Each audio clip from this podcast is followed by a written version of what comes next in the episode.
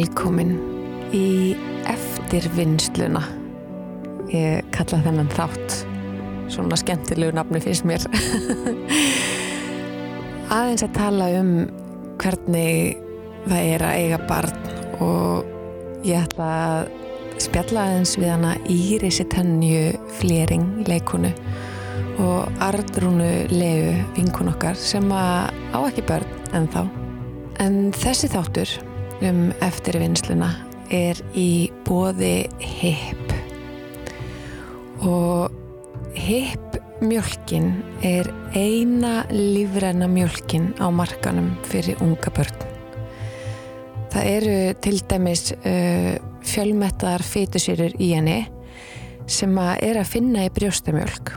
Þeim er bætt í HIP lífrænu ungbarnablönduna og það er skemmtilegt að segja frá því að ljósmaðurnar á landsbítalunum börðust fyrir því að fá mjölkina inn á spítalun af því að þeim þær langaði að mæla með lífrætti mjölk þannig að það hlýtur að vera jákvægt að, að ljósmaðurnar eru um borð í hiplestinni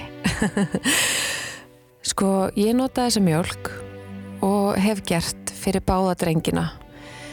Því miður gekk brjóstakefin ekki upp hjá okkur í kvorugt skiptið og var nú búin að vera með hérna, þrjá stelpur á brjósti svo mánuðum skiptir þannig að það komi mjög mikið óvart. En það er annu saga.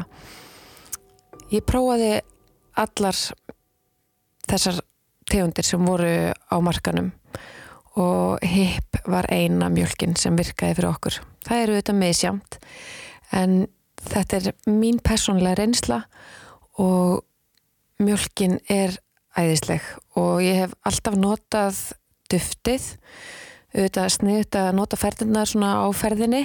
Það er hérna bara mjög gott að svona grípa í en þeir hjá hip mæla líka með það bæði umhverfisvetna og ódýrara að nota duftið.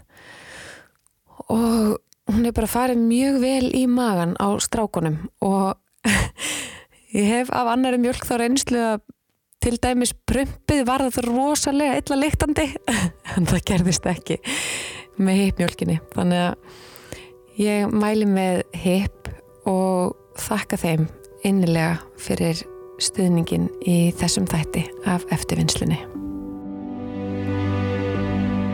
Og ég, ég, ég komi með svo, svo geggjar stelpur hérna til mín vinkonu mínar sem að ég drekk oft kaffi með og Við deilum raunum okkar og sorgum og gleði og hlátri og, og hamingju. Og þetta eru Ardrún Lea, flugfræja og Íris Tanja Flýring leikona. Leikon í köllu, skulum ekki gleyma því.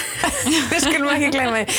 Ég veit að þið finnst þetta vandræðilegt en mér og Ardrúnu finnst þetta náttúrulega störlað. Alveg sko, fullnæging bara þessa árs, Já. myndi ég segja sko. Klárlega. Ég er svo ánað með hvað þeir eru með mér í. Já. Já, þess, mér stoltið er bara, það er ólýsanlegt. Herru, byrjað þú, Íris Tanja. Nei, ég ætlaði bara að segja, ég hlakka svo til þegar að, Ardrún var sérst að mæla hérna fjarlæðina frá hljóðnemannum. Ég var að kenna henni hvernig maður á að mæla fjarlæðina frá Já. og hún meitti sig þessi í þumlinum við að mæla svona lengdina og ég sagði, ég hlakka svo til þegar hún þarf að gangi gegnum það að vera ófrísk eða fæða barn. Vá, ég hlakka ekkert til þess. Eða þú veist, ég, ég reynir bara að hugsa sem minnst um það. Ekki það ég eigi von á batni, en þú veist, bara ef það skildi gerast að ég myndi detta á höfuði og ákveða eignast batn. Að ég reyna að hugsa sem minnst um það, þetta með að fæða batn. Nei, sko, hryllingurinn. Jésús minn. En ég meina, þú veist, konur geta þetta, augljóslega. Bæði þú og ég tala nú ekki um þig, Andrea. já, Andrei er aðeins meira búin til fyrir fæðingu og meðgöngu eldur en ég.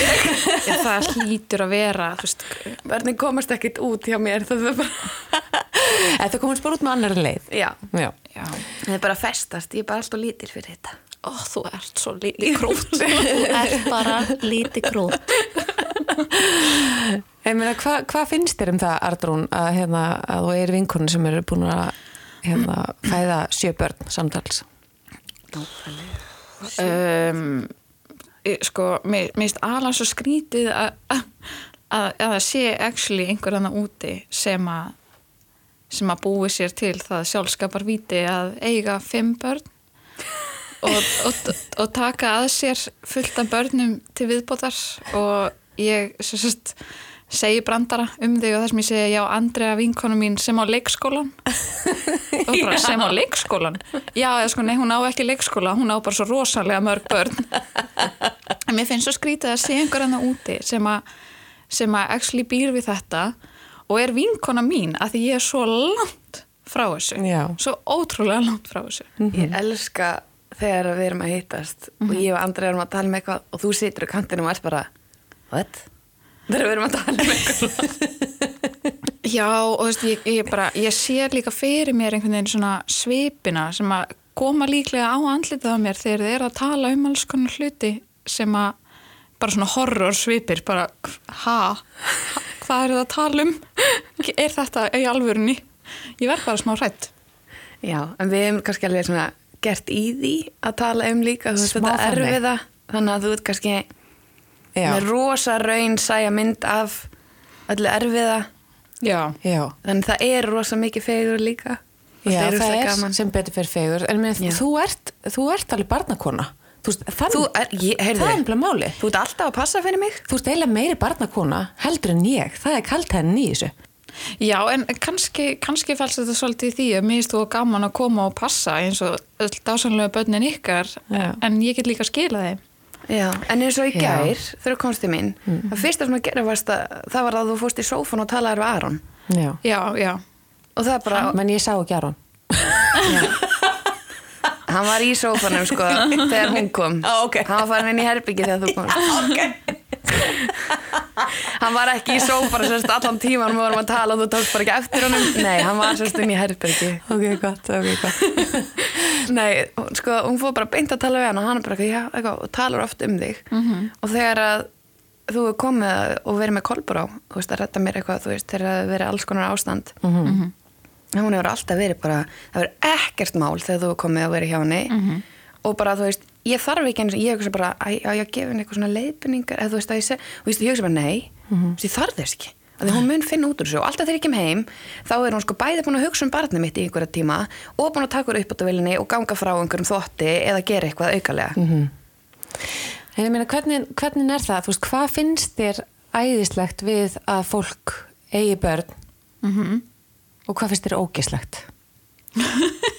sko, sko, við hafa þá hreinu að við Íris Tanja erum náttúrulega með hérna, eina svona svipaði hugmynd í, í bakkollunum um svona sjómastætti um mæður og þú ert sko eitt af hlutverkunum Já. í þeim þáttum Ok. það er eitt karakter beigður á þér Ok. vinkunan sem á ekki börn og finnst við ógeðslegar Já, og finnst börnunu okkar ógisleg eins og við finnst þau æðisleg skilur en, en þau geta verið ógeð bara eins og til dæmis þegar ég tögði matinn En sko, Andrea, nú skulum við alveg, al, alveg stoppa hérna. Ó, ég Þetta, sko. ég, ok, nú, ég á tvö börn.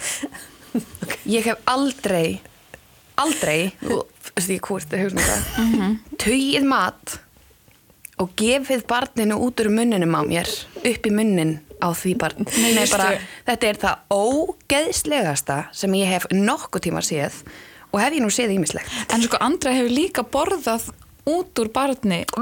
Já. Já sko, neða, ég, mér finnst það reyndar ógislegt ég hef þá mögulega gert það í ykkur stóri neyð eða veist ég Er það, varstu það svöng og þú varst að borða út af barninu? Var það, það, það var stóra neyðin. Nei, en þú veist, bara, eh, sko, þetta, þetta Það var er spurning um að borða eða deyja. þetta var bara þannig moment neyð.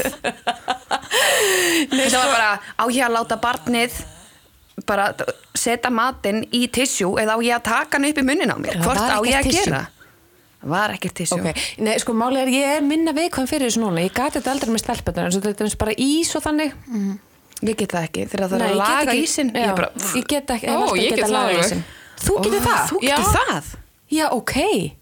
lagað ísinn sem barnið er búið að slefa á og það Já. er búið að leka og hann er svona, orðinn svona volgur og, og, og lekandi Já. Veistu að þú verði frábær mamma. ég veist það í alveg, ég get ekki beðið Ég, ég get það alveg. Ég ég gerði er sko vissum Það er að hún á ekki eftir að finna fyrir meðgöngunni Nei.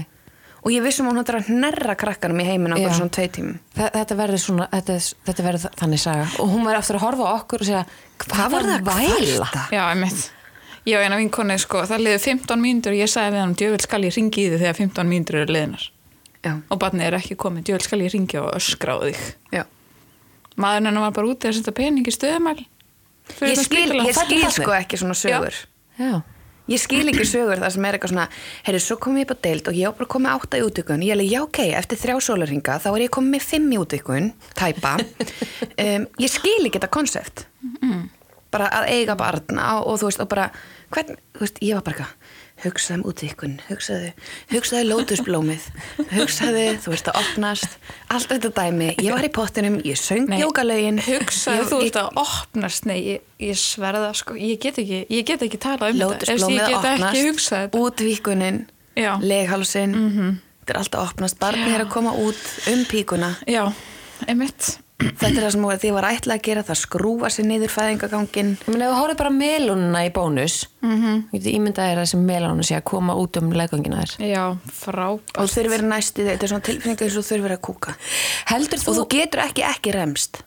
Já, já. já, það er ekki Það séns. Kemur bara, Það það, ekki það, að í gerist, það gerist með Aron, þá, þá er það bara eitthvað, "Heyrðu, þú er eiginlega hægt að rembast. Ég bara, ég er ekkert að reyna það. það er bara er að gera Þá var hormonaferli komið á réttan stað, en hann var fastur í grindinu. En sko, er þetta ekki með það sem er að fallega við þetta, sko, að fólk er ástfangið og býr til börn og, og svo, þú veist, er einmitt allir bara, eru allir bara eitthvað, já, og bara fæðinginn og lótusblómið og opnast og allt þetta og svo, þú veist, er barni komið og þá er bara hór og blöytur Nei, matur það gerist hægt og rólega sko. Já, já, já. En þú færð að Já. venjast aðstæðum, þú veist, fyrst er svona, þú veist, það sefur rosa mikið, fyrst, sko, Já. fyrstu tvo vonandi, dagana. vonandi. Já, mér, ó, Fyrstu tvo ég, dagana? Ég er með garnakul í svo svöng, ég náðu ekki borða.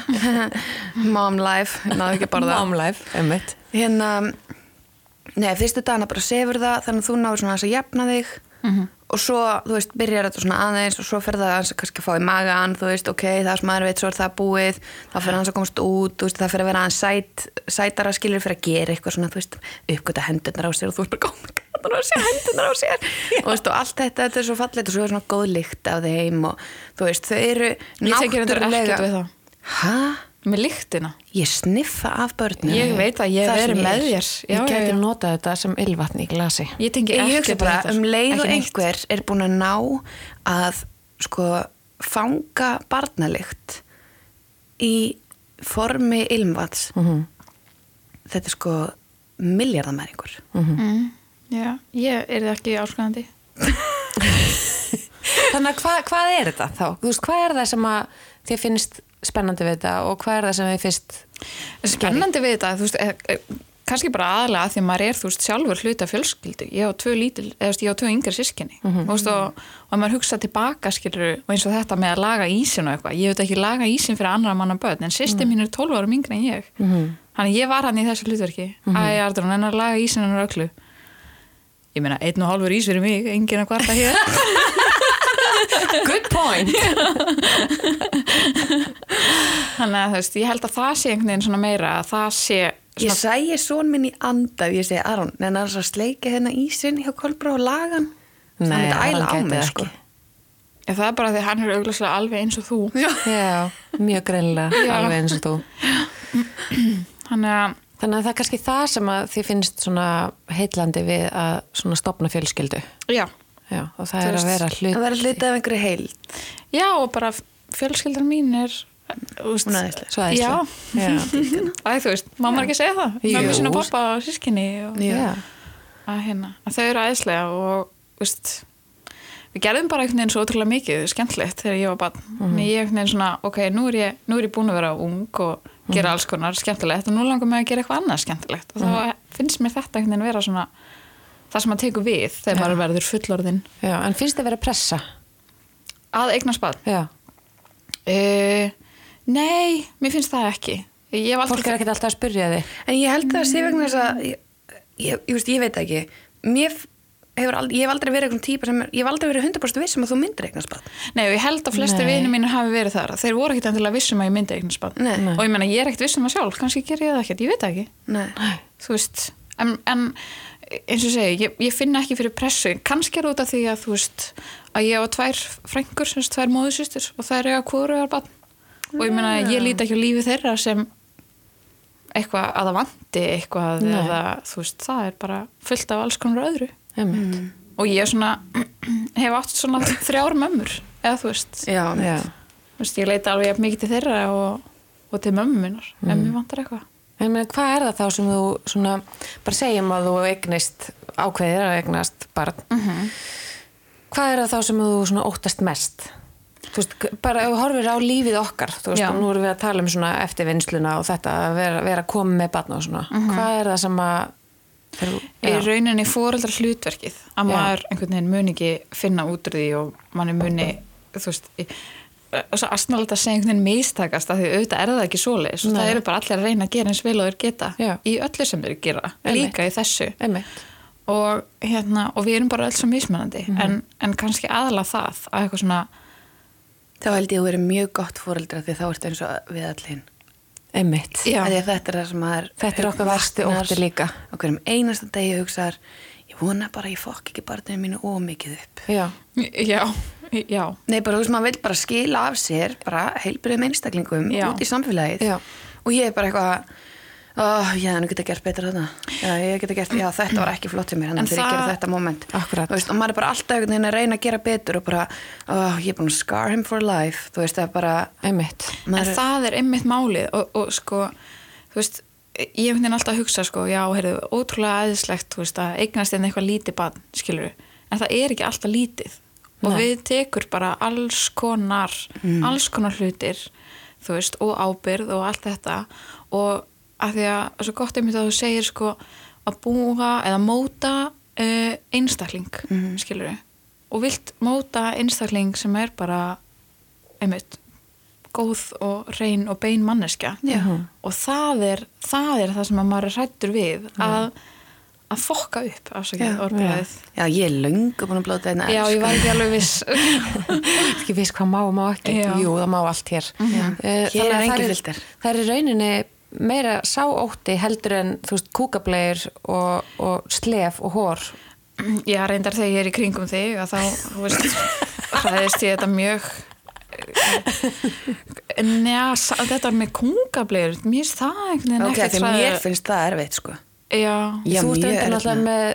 Sko alvarlegustu hérna kúnar viðbröð Íslands sögunar Nú, ef ég byrja að kúast Ekki gera þetta. já. Byrja að kúast ef ég bara leik kún. Uh, Já, mér finnst það með ekki. mér finnst það ekki, þú veist, það er meira þetta með hérna hór og slef og blöytan, yes, blöytan mat. já, og það er svona eins og maturinn sem er í vaskinum. Ég get það ekki. Já, jú, ég get alveg þrifið það, en það? þegar þú sita með matarkjaks og eru í alvörunni búin að sjúa það í svona þrjá klukkutíma og þetta er út um allt, þetta Já. er það ógeðslega þetta er sem einmitt ég að veit. koma aftur á því að karakterin í þáttunum okkar Já. það er þú, þú veist, þetta moment þarna þegar þú varst með hann Björgvin lítil og hann var með eitthvað keks sem að þú varst búin að gefa honum Já. Og búin að svona, já, maka í svona smá í andliti á sér og smá á höndunum og þú bara sast þarna og svipurinn á þér. Rosalegur, gott bara moment, sko. priceless moment. Ég held sko við höfum lítið á hvort aðra Já. og ég held á þessum mómenti höfum við fattað að þessi karti verður að fá að vera. já, Við vorum líka einhvern tíman að fá okkur kaffi og kaffi laugalæk og hérna Björgun Nýlur var með með þér og það var búið að borða hann einhverja beiglu eða eitthvað.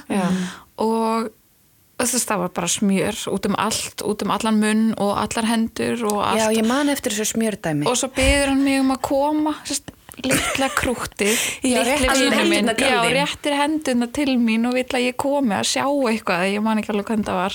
Og ég bara svona, ég pyrði bara svona augun og rétt honum hendina og reyndi bara að hugsa ekki um allt smjörið sem var að fara að koma á mig. En þú veist svo einmitt og þetta með að passa kolbrá og passa börnin þín Andrea og fara með í leikhús og alls konar sem ég geri. Þú veist, þetta er bara bara lítil krút og þau eru bara vini mínir þú veist, ægi þannig að En ég get náttúrulega að skila þeim sko. Þannig að ég veist. En það gerir svona svo mikið fyrir okkur að einhver takið líka. Já, Já, það er til dæmis eitt af hérna, þeim atriðun sem er mjög mikilvægt í að vera fóreldrar og eiga bönn hvort sem það er 1 eða 17 Já, eins og þú. eða 597 Já. er, þú veist, er þetta að treysta öðrum fyrir barninu sínu Já. og þar eru við náttúrulega ríkar af þú veist, bæði náttúrulega bara aðstandendum en síðan líka svona vinkonum sem nenna að bjarga málunum Sem bara, heyrðu, má ég fara með börnin ykkur leikús? Já, Hæ? hvað? Það er bara því að það var eitthvað svo vandrarlegt að ég var á badnasýningunum einn Þannig ég þurfti að finna einhver lánsbönn að fara á þessu Já, já, já. Já, þannig að börnin okkar voru bara ásökn, þú varst ekkert að reyna að búa til stundi með þeim. Nei, nei, nei. bara svo ég geti farið að sér hann, ég er engið og þér á þess að vera eitthvað skrítið þessi kona er ekki með neitt barn með sér En ég meina Íris, finnst þér þetta ekki finnst þér þetta ekki bara að vera hluti af einhvern veginn því að halda geðheilsunu sem foreldri, Jú. að það er að geta einhvern veginn svona sleft tökunum Jú, og það er sko æfing að þegar einhver kemur og tekur barnið eða þú ferð út og barnið er heima að sleppa tökunum. Já, Því ég manlega eftir, þú veist, með Aron, ég, guð mig góður, fórum ekki út að borða og svo bara ringi, eða, ég man ekki það, þú veist, það var eitthvað, hann ringdi baka eftir smá tíma, nei, þetta var ársáttíð, eða jólahlaðborð eða eitthvað svona, svo ringir eftir smá stund, ég, þetta var jólahlaðborð, af því að það var bara, hann er fættur í oktober, það var bara, hann var mjög lítill. Hringdan Nei, hann hringdi. Nei, en það var ringt í okkur og ég ljóp út af bílinum og upp og bara, þú veist, mér fannst ég hræðileg fyrir að hafa að fara og því hann var hágrátandi þegar ég kom inn, sko. Já, veist, það er eitthvað svona inn í manni, þú veist, bara, það, það er eitthvað naflastreikur sem tógar mann að barninu sínu. Já, Þetta er rosalega erfitt og þetta er æfing að sleppa tökunum og að fara og ég minna í dag, það er ég bara eitthvað svona, ah, nice. En Já. svo eftir kannski þrjá tíma það er bara hvað ætla þess að gera? Eða fyrir að skoða myndir af börnunum mín, þú veist hvað er það? Mm -hmm. fóreldrafrí og þú ert að skoða myndir af börnunum mín er eitthvað að? En mér að nú til dæmis ert þú að upplifa bara ert á bara stórri framabraut og ert bæði mamma og stjarna leikuna, Ég er róleg. skilju þú ert leikuna Já. það er bara, þú veist, mjög krefjandi hlutverk líka. Já. hvernig tjöglar kona svona hlutverkum? sko ég er bara rosalega heppin og það er rosalega góðan pappa Já, sem bara er með þau núna. Mhm. og meðan ég er í tökum. Ég er svona með tvær vikur burtu og eitthvað. Mhm.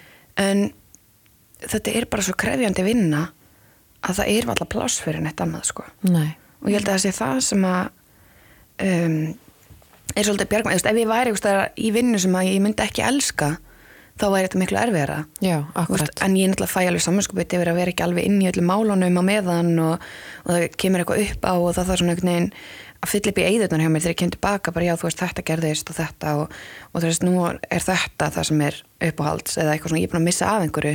Þá auðvitað fer maður automatist í eitthvað svona niðurif og hvað er ég að gera þú veist okkur Mömmuviskubitið. já rosalegt mömmuskupið Já.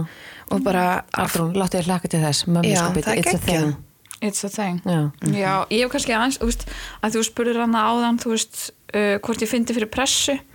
Og ég náttúrulega, þú veist, var 12 ára þegar ég ákveða að ég ætla að vera flugfreyja. Og ég er búin að eldast í það bara allt mitt líf að verða það. Og en svona ég hef svolítið mætt í sko, já, en býtu ætlaru að halda áfram að fljúa ef þú eignast bad what?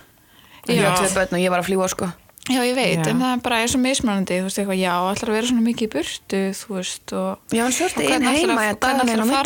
Já, Eru pappa spurðir að þessu? Svona ángríns? Aldrei. Nei.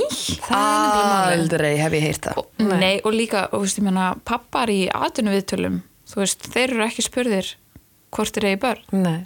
Það er enginn sem spyr m- menn að því. Nei, því það er gert ráð fyrir því og skemmtilegt að að við skulum koma inn á þetta því að við erum, erum myndið að tala við hann steina og kallmennskuna eftir. Fara svolítið út í þetta. En þú veist hvað, hérna, af hverju? Af hverju er ekki pappar, þú veist, einhvern veginn Akkur af er gert ekki ráð gert ráð við- fyrir að, að þeir elski batnið að segja tengdi batnið eins og mömmunar Já, er það kannski út af því að við erum of stjórnsamar? Við erum búin að vera bara lífstjórar í svo mörg ár. Mm margar aldir tilbaka margar aldir Já. tilbaka og, og allt í hennu bara veginn er verið að breyta og þá er bara ok, en af hverju er ekki gert ráð fyrir að þá sé bara komið að þeim? Eða, eða maður sé gert í sammenningu Mhm. veist, af hverju er það eins og það sé gett svona stórt gat sem við erum að skilja eftir okkur með því að vera að fara að gera annað? Að við getum ekki gert bæði. Og þú veist, það er líka þannig, þú veist, áður það voru börn ekki í leikskóla eða skóla voru ekki frístundum, voru ekki æfingum. Veist, þannig að þetta er allt annað. Veist, ég er alls ekki að draga úr því hversu mikil vinna er á heimili believe you me, Nei, ég veit hvað það er mikil vinna. En það er líka pláss fyrir annað, það er pláss fyrir okkur og veist, elda okkar drauma og bara þú veist, og ég hugsa bara, ok, ég er að sína þeim að þau voru aldrei það sem stóði vegi fyrir því að ég eldist um mína drauma. Því ég hugsa að það væri verri afleðingar ef ég hefði verið alla æfi bara heima sé- séð eftir því, ég hafi ekki gert það sem ég vildi gera. Og þau myndi finna fyrir því að það væri vegna þess að það væri þau sem hefði stoppað það. Ég er að sína þeim að mín hamingja og þeirra hamingja setna meir er vegna þess að veist, er, þau stoppuðu það aldrei. Og það var bara viðbót. Mhm. Þau eru ekki fyrir, þú veist, þetta er bara eitthvað sem við vinnum saman með.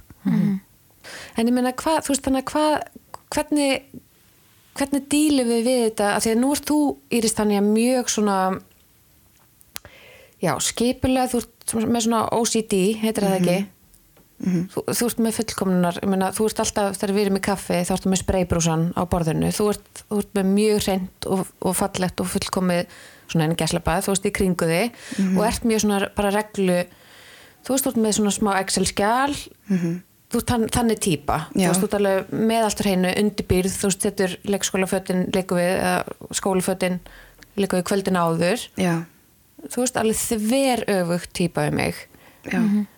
Þú veist, við bara eitthvað svona, já, þetta reddast, þetta reddast, þetta reddast. Þú veist, hvernig hvernig förum við bara að þessu? Þú veist, hvernig þú veist, ég meina, nú er mi- mitt heimil ekkert, þú veist, verri en þitt eða, þú veist, ekki. og ekki betra en þitt, skilur, þetta er bara við erum, eins og talaður um áðan við erum svo mikið bara að leggja okkur fram að bara gera þetta og reyna að koma í veg fyrir að börnin okkar verði eitthvað skuðuð af því -hmm. en þú veist hvernig? Þú veist, hvernig veistu- við ég held að okkar? það? Hvað er með? við erum bara sett í einhverja aðstæður og við erum bara að nota mismunandi verkværi Já. Þetta er bara mitt verkværi Mhm. og það virkar ekki alltaf sko Nei. og alls ekki alltaf, það virkar mjög sjaldan alveg sama hvað ég reyna skipuleik og stjórna á eitthvað, það er bara en það er bara það sem ég er að nota það verkværi sem ég er að nota til að komast í gegnum lífið þú notar annað Mhm. og það er bara, virkar ekkert alltaf en það er bara það sem að þú notar og stundum virkar það Mhm. og mitt stundum virkar það en þetta er bara mismunandi verkværi sem að nota til að komast í gegnum lífið Mhm. Ég held að mögulega það besta sem við getum gert uh, til þess að komast í gegnum að vera fóldrar, það er að tala saman? Já, eitt af því. og það gleymist rosalega oft. Já, það gleymist að maður. í bara eitthvað svona amstrið dagsins og í bara einhvern veginn, maður er þreyttur, maður kemur heim og þú veist, og börnin eru þreytt og eitthvað svona svo sitt maður einhvern veginn bara svona búinn. Já, en svo fattar maður ekki að já, ok, þú veist, fimm mínútur í spjall já. myndi gera Bara við makan eða vinkonuna eða eitthvað vegna þess að, vegna þess að þú veist, um leið og við setjum ein með börnin, tilfinningar og við börnin, emmitt um leið og við setjum ein með þessar tilfinningar að þetta sé ókslega yfirþyrmandi og hvernig ætla ég að vera, þú veist leikona eða flugfræða og líka mamma og líka maki og líka allt þetta og hvernig ætla ég að gefa barninu mínu þú veist, endalaust hotlan mat og má, má ég má ég gefa skvísu í kvöldmat skilur, þú veist? Já, já, já. þú veist, þessi, þessi pressa, að ef við erum leið okkur finnst við vera ein með hana eða þessar tilfinningar og þessu upplifanir að þá fer allt í graut, þá fer allt í fók ég held nefnilega að þetta sé svo mikið spurning um að spegla í öðrum og fá leiði fyrir ófullkomleikanum. Emmitt vegna þess að við viljum ekki gefa okkur að sjálf sem er mjög skrítið. Já, En við verðum að fá leiði og spekla okkur í öðrum sem að er samt örugglega bara eitthvað mannlegt sko. Að, að spekla sig í, þú veist, við þurfum að sjá bara, ok, þú veist, þetta er, ég er ekki ein, þú veist, þetta Já. er, já, ok. ég er ekki ein í þessu Já. ég er ekki ein að gefa kvöldmat já. ég er ekki ein að sleppa baðinu Nei. Já, já, já. Ah, Þú ert að bókið með smá neutral sápi. Einmitt. Þetta kemst langt. Það er ennblega máli svo hefur ég bara, hvort mér er að fara drullu skítið í svona leikskóla á morgun? Og sprauta ég bara lavendarvatni í hárað á henni greiði það bara nýtt, það er orðið svo reynd og það er bara orðið svo nýtt og skellir sólöfurni kennanar á henni og hún er bara eins og ég veit ekki hvað. Nákvæmlega. Hún voru ekki baði í gerð sko, hún vildi það ekki. Nema að taka alla bækunni sína með og var náttúrulega ekki bóði þannig að þá þurftu að sleppa baðinu og það var bara eitthvað svona einhver hundaþvottur. Já, en það er, ma- ég, veist, ég- nú sit ég bara einn að hlusta og ég er bara ein stór augu guð minn góður, en þarf maður ekki bara að vera kannski svona hæfilega kærlus Ég held að maður þurfi að Já. gefa sér svo mikinn slaka sko, en það er svo erfitt að gefa slaka þegar maður er að spegla sig í fólki sem að maður er kannski ekki alveg sína mér þú veist, það sem raunverulega er, Þú veist, Já, er það, það er rosalega óhald að spegla sig í einhverjum sem að lætur allt lít út fyrir að já, fullkomið þess vegna er svo mikilvægt að eiga kviknar og andriðu sem sýnir okkur bara hvað sem er í alvöru upp. Og eiga vinkonur sem að þú getur verið bara að tala við bara heyrði bara þú veist, ok, ég til dæmis núna, og nú erum við búin að koma inn á hvað ég klíkjöld dóttir mín, hún er hægt með bleiðu og hún er búin að eiga svolítið erfitt með að kúka í kopinn sko, eða klúseti þannig að það er búin að koma nokkuð sliðis ég er ekki að fara að þrýfa þessa nærbuksu sko. Ég hendi þeim bara akut í rusli og þetta er ekki þetta er, ræðilegt sko. En ég bara, og mér leið sko ræðilega með þetta og ég sko fá þess að svipi frá ykkur þetta núna, ég er bara strax eitthvað, ég ekki Nei að segja þetta. nei, ég ætla að fara að segja, ég tengi vegna þess að- að mitt kúkaði í sig og ég var, var svona leiðin með þetta rusli svo bara og ég elska þessar að því að hann kúkaði sko beint í það, hérna, þannig að ég, ég svona let mig hafa það að henda kúknum í klósettið og svo beint í þvóttavélina ég skóla ekki þetta bara tvo ringi í þvóttavélinu þannig ég hugsaði bara, þú veist, ég dæmi þig ekki. Þú ert ekki að fara að dæmi mig. Nei. og þú ert bara in for a treat wait for it. in life. Nei. já, en þetta er svona mjög undibúin Já, skilur, já, vinkonur. Ég- all, all the dirty secrets. Já, ég nefnilega er í öðrum sko svona sálusistur klúb þar sem að við erum held ég nýju og við erum tvær sem að eigum ekki börn. En allar hinnar eru mjög lánsamars og hérna ég er einmitt búin að sitja þar líka og kúast og hlæja og ránkólu á augunum og stundum bara svona detta út. Allt í nýri bara komin í síma minna því að þú veist það er bara batnaumræðin, hún er bara orðin og mikil og ég Já. bara, ég held ekki fókus ég get ekki, get ekki haldið í við þetta. Þannig að, veist, jú, ég meina ef að kemur að því, ég eignast einhvern band þá myndi ég halda að ég væri svona ágætlega undirbúin eða allavega með símaskrána fulla af númerum sem getur hringt í og grænjað Já. og bara hvernig ferðu að þessu já, ég veit ekki, þú veist, eins og ég segi get ekki sett mig í þessu spór gerir mér enga grein fyrir því, þú veist, hvernig þetta er. En það eru fjóra nærböksur örgla búin að fljúa í rusli. já, er ekki nema fjórar? Já, við erum ekki að tala um einhverju 20 það er nú nærbuxur, alltaf leið Nei, okay. En Nei, það er enginn að skammast þér heldur fyrir þetta. Veist, þetta, svona er þetta bara. Nei, ég bara ángrínis, ég bara gerði þetta ekki. Ég reyndi sko, ég, en svo var ég bara, nei, veistu þetta er bara, ég er græmitsæta, uh, ég er mjög umhverfisvæn, þú veist, ég flokk allt sem ég geri, allt sem ég kaupi er, lífurand og umhverfisvænt, allar þessar vörur og allt þetta, veist, ég er einu hugsa og ég bara, ok, ef að mitt kolpnusspor er þá bara að ég er búin að henda nokkrum nærbuksum í ruslið og kaupi nýjar þá verður bara að hafa það. Þetta er þá bara minn og ákast að vera hæfilega kærlaus þarna Já, þarna væri bara, nei, ég verð að gefa mér smá slaka hérna. Já, já. Ég bara var að reyna og ég bara gati þetta ekki. En svo Þetta dæmi bara, ég það. á ógislega erfitt með þetta. verður að geta gefið þér slaka Já. og þú varst að reyna, er þetta ekki bara to Já. sum it up Já, gefa sér að ég- slaka já. og það eru allir að reyna að gera eins vel og þeir geta til þess að koma börnunum sínum til manns og, og hvens og lifa það af bara lifa með þokkalum hætti og geta samt einhvern veginn og ég, ég stið þetta með að, þú veist, hérna, að við látum öll svona drauma okkar rætast til þess að, sína börnunum okkar að allt er hægt. Já, þau geta það líka. Já, Sína einmitt. þetta fórta mig bara hver sem þinn draumur er farða alltaf stiðan og láta ekkert stoppa þig. Takk fyrir í dagstelpur Takk sem er leið Gaman að fá okkur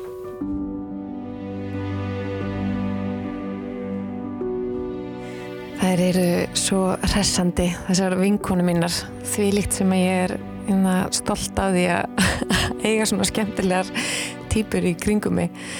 En ég ætla að fá að taka aftur fram að þátturinn í dag er í bóði HIP. Og HIP er fjölskyldufyrirtæki. Það hefur verið í eigu sömu fjölskyldunar alveg frá upphafi. Og slagorðið þeirra er Beyond Organic. Þannig að þeir ganga skrefinu lengra þegar kemur að lífrætni vottun og þeir eru sterkastir í krukkum og þeir eru leggja svolítið áherslu á að minna á mikilvægi þess að fóreldrar eigi gæðastundi með börnunum sínum. Skvísurnar eru eins og krukkumaturinn frá heip alla lífrænar og það er til með ávaksta og jógurt blandar skvísur og það er að fá máltir eins og spagetti, núðlur og kjúkling og fleira. Þetta er sérstaklega gott fyrir svona mömmur eins og mig sem að er ekkert að elska það að elda. Ég er að vonast þess að þetta komi eitthvað tíman yfir mig hérna á setni árum. En allavega ég er, ég er rosa hrifin af þessum mat líka frá hip.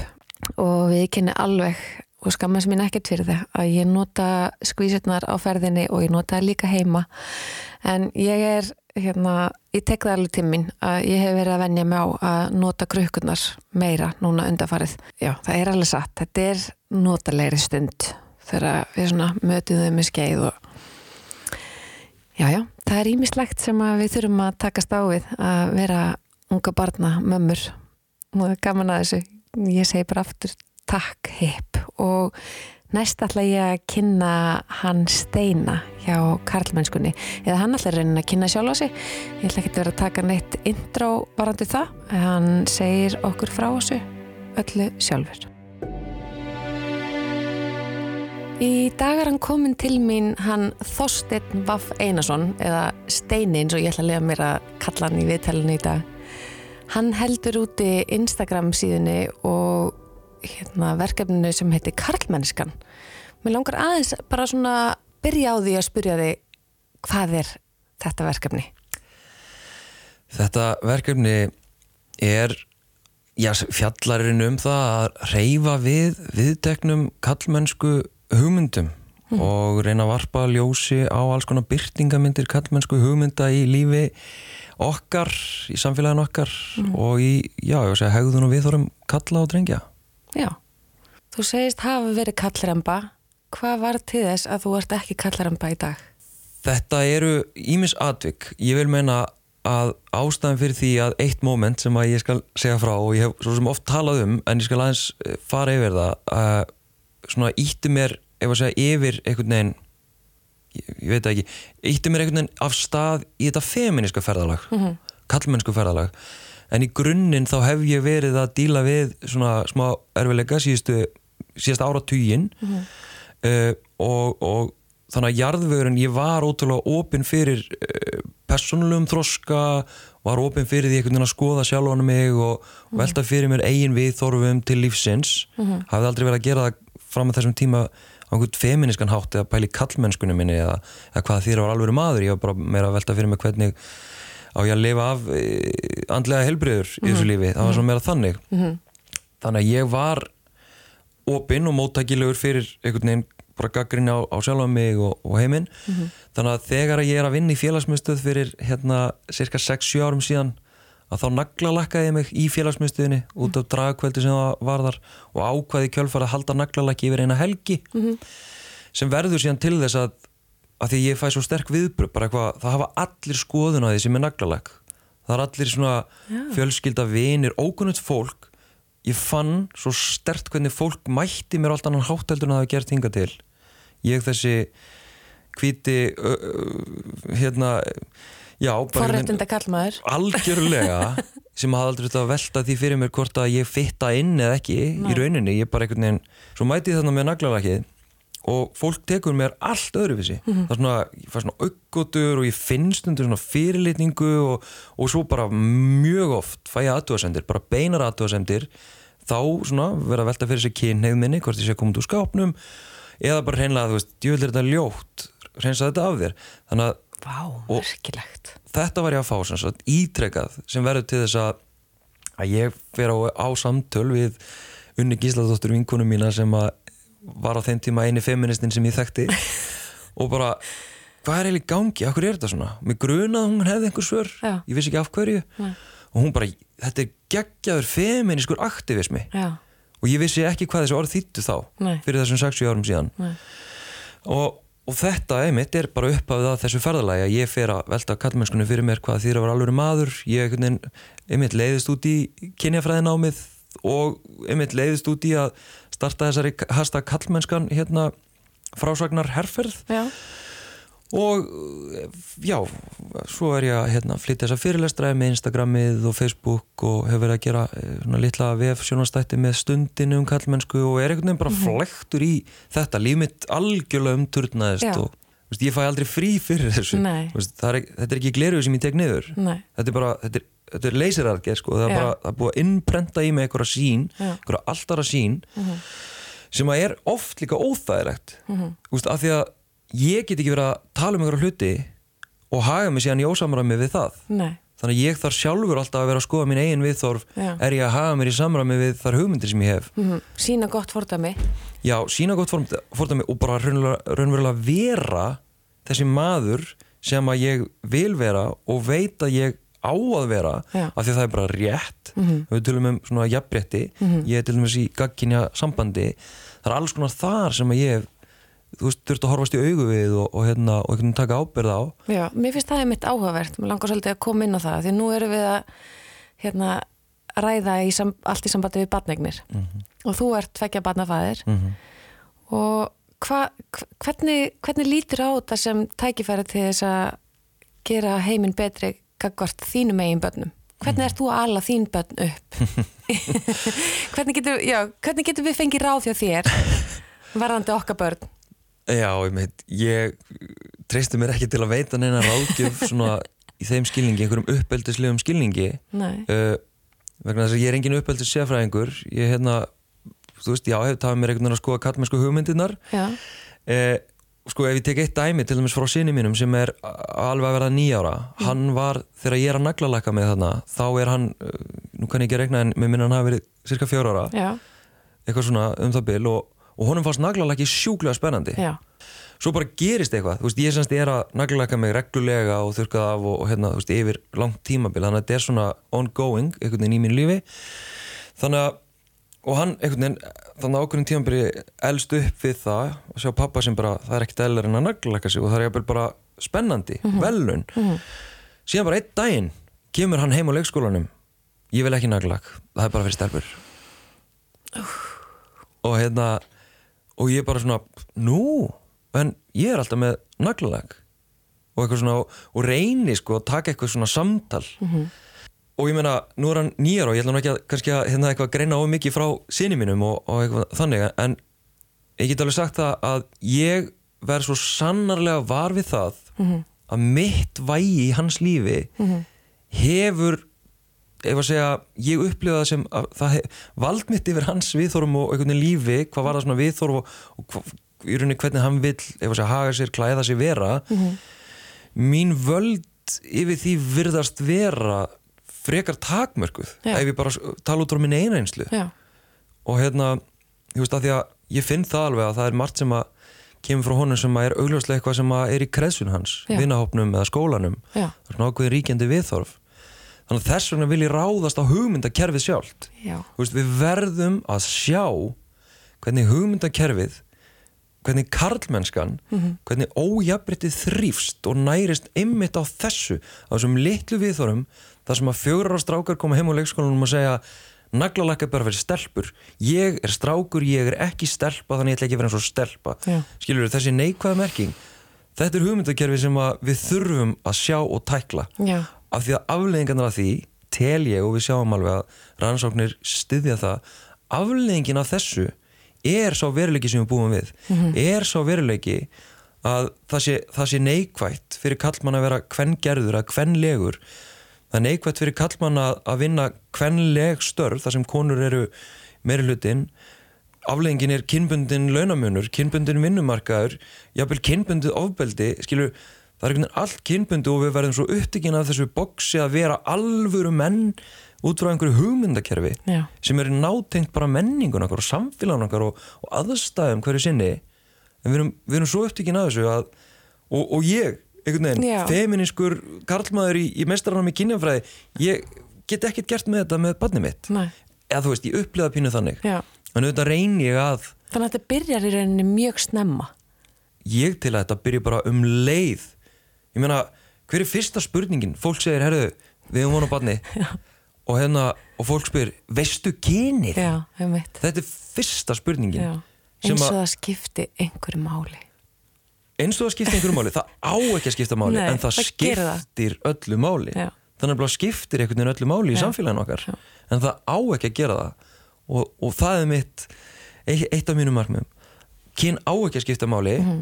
og margir menn sem ég tala við þeir segja að kyn skiptir ekkit máli hvað er það að blanda kynin í allt Mhm. á meðan að kyn skiptir svona ótrúlega miklu máli þá verðum við að tala um kyn Mhm. og, og skoða heiminn dálítið út frá þessum kynjuðu valdatengslum Mhm. sem að ég tel að séu nátengt þessu hugmyndakerfi um kvenleika og kallmennsku Mhm. við erum ógeðslega föst þarna Upplifunin þín þegar þú ákveður með þinni sambiliskonu að orðaða harkalega skiptum kynja hlutverk. Viltu segja mér frá því? Já, uh, sem sagt þú ert að vísa til þess þegar uh, dóttur okkar sem að núna er hérna rúmlega Já. að við búum í Reykjavík og, og þegar dóttur okkar var eins ás og orlofin okkar búinn og, og framlengd orlofi var búið Mhm. að þá þurftum við að fara hérna að finna út úr þessu bara, herru, hvernig ætlum við að díla við þetta hún, hún kemst ekki inn á leikskóla Mhm. hvað ætlum við að gera og við settum upp Excel og bara settum upp alls konar sviðsmyndir sem einhvern veginn leiti til þess að í sammenningu það ákveðu við að, ég myndi bara hérna óskæfti launalösu leifi í vinnunni minni Mhm. og vera heima með hana að hérna við vissulega byggum við þau forréttind að geta dreigið saman Mhm. uh, bara eðslun okkar neysluhyggjan, við dróðum aðeins saman Já, Þar. ágætt út af fyrir sig. nákvæmlega Já.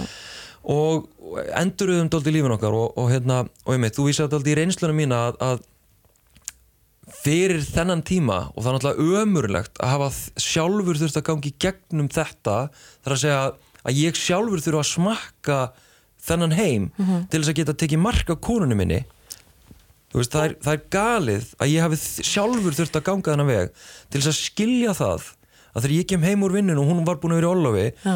til þess að skilja það að stundum, stundum þú veist, hún lærið það alveg að út frá kvenleikanum svona vil ég menna að, að þrýfa og taka til og setja í þvott og halda öllu fínu og eitthvað á meðan hún var heim í Ólofinu Já. síðan þegar ég fyrir þessar aðstæður sko, ég, ég hef ekkert power eða orku í það þegar hún tekur lúrin sinn Mm.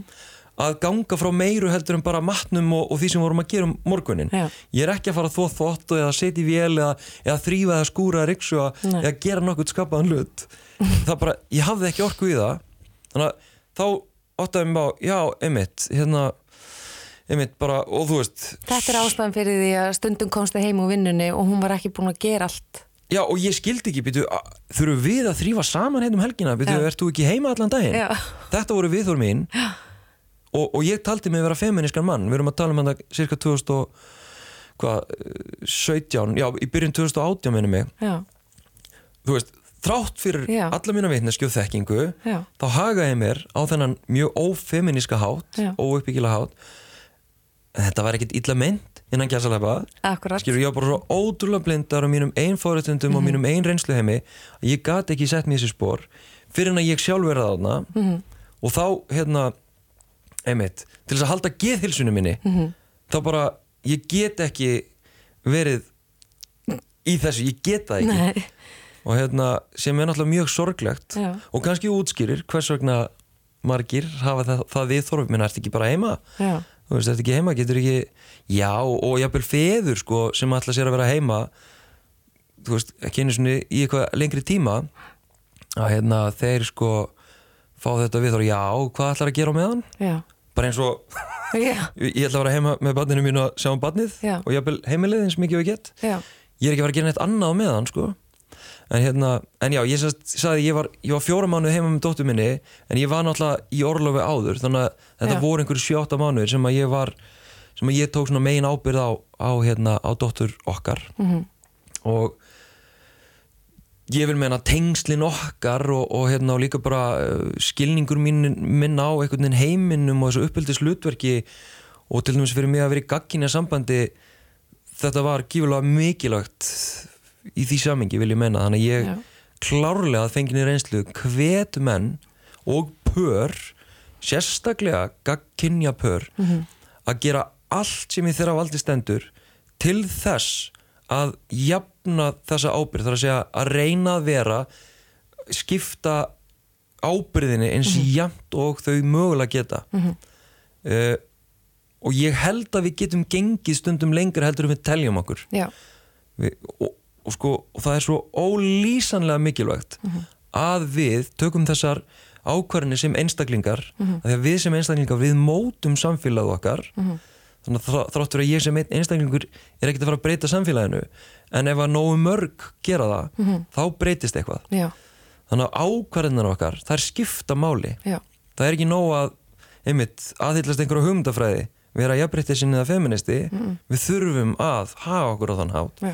og taka ákvarðanir og haga líf okkar í samræmi við þær hugmyndir sem að við gangum stundir amen. Já, þú talar um að, að þessi samvera með dóttuðinni uh, hafi orðið til þess að tengslin ykkar einhvern veginn eru sterkari. Heldur þetta sé mikilvægt fyrir þig og fyrir hana? Þú veist hún, þú sem hennar fyrirmynd kallmannsku fyrirmynd að þú sést heima? Já, ég held að það skipti mjög miklu máli að börnin okkar sjáu okkur, haga okkur á okkur nákvæðin Já, þá er ég að meina að það sem börnin sjá heima það er það sem þau taka til sín já, bara eðlilega. Ef þau sjá mömmu í gagginja sambandi alltaf ganga frá þvotti, sjá um börnin taka ábyrða öllu. Þá er það sjálfsögðu hugmyndin sem börnin okkar venjast. Þannig að við þurfum að byrja heima hjá okkur. Já. við þurfum að byrja með börnunum okkar. Já, sko ekki bara að segja börnunum það er rosa mikilvægt að virða alla jæmt mm veist, það hefur ekkert gildi ef að við höfum okkur ekki þannig. Við, já það skiptir máli að kallar og konur taki jafna ábyrð á heimilistörum mm ætlum við að segja okkur það við, veist, við börnun okkar og ætlast þess að börnun okkar fara að gera það ef við gerum það ekki sjálf heima hjá okkur. Þannig ég tel að það skipti öllu máli að við sem einstaklingar förum daldi í þessa sjálfskoðun og, og hugum okkur síðan í samræmi við niðurstöðan úr þeirri sjálfskoðun sem Já. ég vona verði svipað, svipuð minni reynslu. Þú veist, það er bara það sem ég sé. Já. mm, að skipti máli allavega. Uh, af því að það skiptir einmitt engu máli hvað við segjum með börnun okkar það skiptir öllu máli hvað við sínum þeim Já, og, og hvað við gerum með börnunum okkar. Og að þú talar um tenginguna mína við hana það er náttúrulega kannski bara eitthvað svona persónulegt valjú fyrir mig sem faðir að finna það að, að ég einmitt hafi eitthvað hlutverk í hennar lífi að ég skipta hana máli að, að það séu góð tengsl og, og einmitt hún treystir á mig með suma hluti í lífinu sem að hefur ekkert með kynmitt að gera sko, heldur Nei. meira bara hvað við höfum einhvern veginn gert í lífinu saman. Akkurat. Og þetta að það sé eitthvað móður eðli ég raunverulega efast um að það sé eitthvað móður eðli sem skýri e, tengingu endilega milli til dæmis maðura og batna Nei, ég held að það sé miklu frekar einhvern veginn ferli sem að við göngum í gegnum, hvað við gerum saman hvað við upplifum saman. Já. ég held að það skýri miklu frekar það sem við skýrum oft með móðureðlinu Mhm. Þannig að hérna ég er svona anti-eðlisíkju sinni. Já. ég trúi rosa mikið á menningu og félagsmótun og, og það við sköpum heiminn í gegnum viðhóra okkar gjörðir og, og svo frammeins Það vekur undran mína að á kviknar Instagraminu séu 97% fylgjenda konur og í rauninni einu skiptin, öll skiptin, svona 99,9% tilfella eh, er það konur sem hafa samband um mig, sendin spurningar eða, eða tala um tilfinningarna sínar eða hérna, hvar eru pappanir? Af því ég veit að þeir eru það núti sumir eru að, er að horfa á og eitthvað svona en, en af hverju tak, taka þær ekki þátt? Mm ég meina stuttasvarið er bara kallmennskan sko. Uh, og líka samfélag okkar er uppbyggt skilur, við setjum einhvern veginn kröfu á já, konur, mæður að taka ábyrð á börnum og heimili og, og einhvern veginn og vera verkefnistjórin yfir heimilinu, veist, það er einhvern veginn í hugmynda heiminum okkur og samfélagsgerðinni þá er það einhvern veginn krafan. Mhm. og við viljum náttúrulega vera þóknanlega í þessu samfélagi, við viljum vera alvöru menn og, og hérna og alvöru konur og virðulega konur og alvöru mæður og, og eitthvað. þannig að við göngumst náttúrulega inn í þetta hugmyndakerfi sko. ég tel þetta akkurat vera bara það sem við erum að díla við. Við erum að díla við kallmennsku hugmyndir Já, og ég tel meiri segja að kallmennsku hugmyndirnar, þessar ráðandi hugmyndir þær halda niðri og komi veg fyrir jafnrétti í okkar samfélagi. Já, þær einhvern veginn virðast eins og ég líti á það halda rosa miklum völdum einhvern veginn og, og halda kirstuðinni Já. halda því að við náum ekki að breytast og, og breyta samfélagin okkar. Eh, og það skiptir máli í þessu sammingi, þú veist, hvað eru feðurnir aftur? Mhm. þannig að það skiptir máli að við skoðum hugmyndakerfið, að við sem einstaklingar skoðum okkur sjálf. Mhm. hvernig eru við að styrkja þetta kerfi? Íta feðrunum í burtu ekki að hérna einhvern veginn ég segi ekki hleypa þeim að því að við eigum að sækja fram konur er ekkert eitthvað að hleypa okkur að Mhm. Nei. í neinu eða einu þannig að við þurfum veginn að sækja fram og auðvitað þarf við ofinbera líka Mhm. vinnumarkaðurinn ríkisvaldið, þú veist, borgin og svo frammeðis að styðja við það að þessi kynhlutverk, þessi hefðbunni kynhlutverk sem við sjáum Mhm. eh, styðja við það að þau verði jafnari styðja við það að feður geti tekið þess ábyrð líka. Þá er ég að vísa til fæðingar og lás og ég er að tala um leikskólapláss og ég er að tala um, þú veist, ég er að tala um uh, líka bara viðþóra á vinnustöðunum. Veist, hvert er viðþóra yfirmannana hvert er svigrum feðra til þess að taka ábyrð á uppbyldi barnana sinna? Akkurat. Til dæmis að sækja í leikskóla eða, eða vera veikir heima með þú veist, já fara fyrr heim úr vinnunni til þess að sækja í leikskóla og fá þá kommentið hvað á ekki barni mömmu? Já, veist, þetta er raunverulega sem er að gerast sko. þannig að við þurfum að skoða þetta í, í stóra saminginu já, af því að það er það sem að skipti málu og við sem einstaklingar getum 100% haft gífulega áhrif þótt að við séum bara hérna, nobodies, þú veist eins og ég við getum alveg haft áhrif sem einstaklingar með því að hafa okkur í gegn þessu kerfi tala um það taka ákvarðinni sem að styðja ekki ójafréttið og, og ójafna uh, hlutverka skiptingu og svo getum við þrýst á hið ofnbera, krafist þess að sé gera breytingar og vissulega eru breytingar í farvatninu með lengingu fæðingar og los og, og svo frammeðis Þannig að þú hvetur karlmenn til þess að taka þátt náttúrulega líka bara í, í barnegnaferlinu sínu og í fæðingarólofi bassin síns og, og í ummannunu og barnanum sínum og, og hérna. Mm og svo segi ég í lokin hérna endilega hafið þið samband við okkur hjá kviknar við viljum heyri fleiri pöppum. Takk kærlega fyrir í dagstæni Takk fyrir mig. Sjáumst einna yes. Ég er ótrúlega ánað með þátt dagsins. Fer mig til að hugsa ímislegt og að lokum ætla ég að nefna að þátturinn er í bóði hip.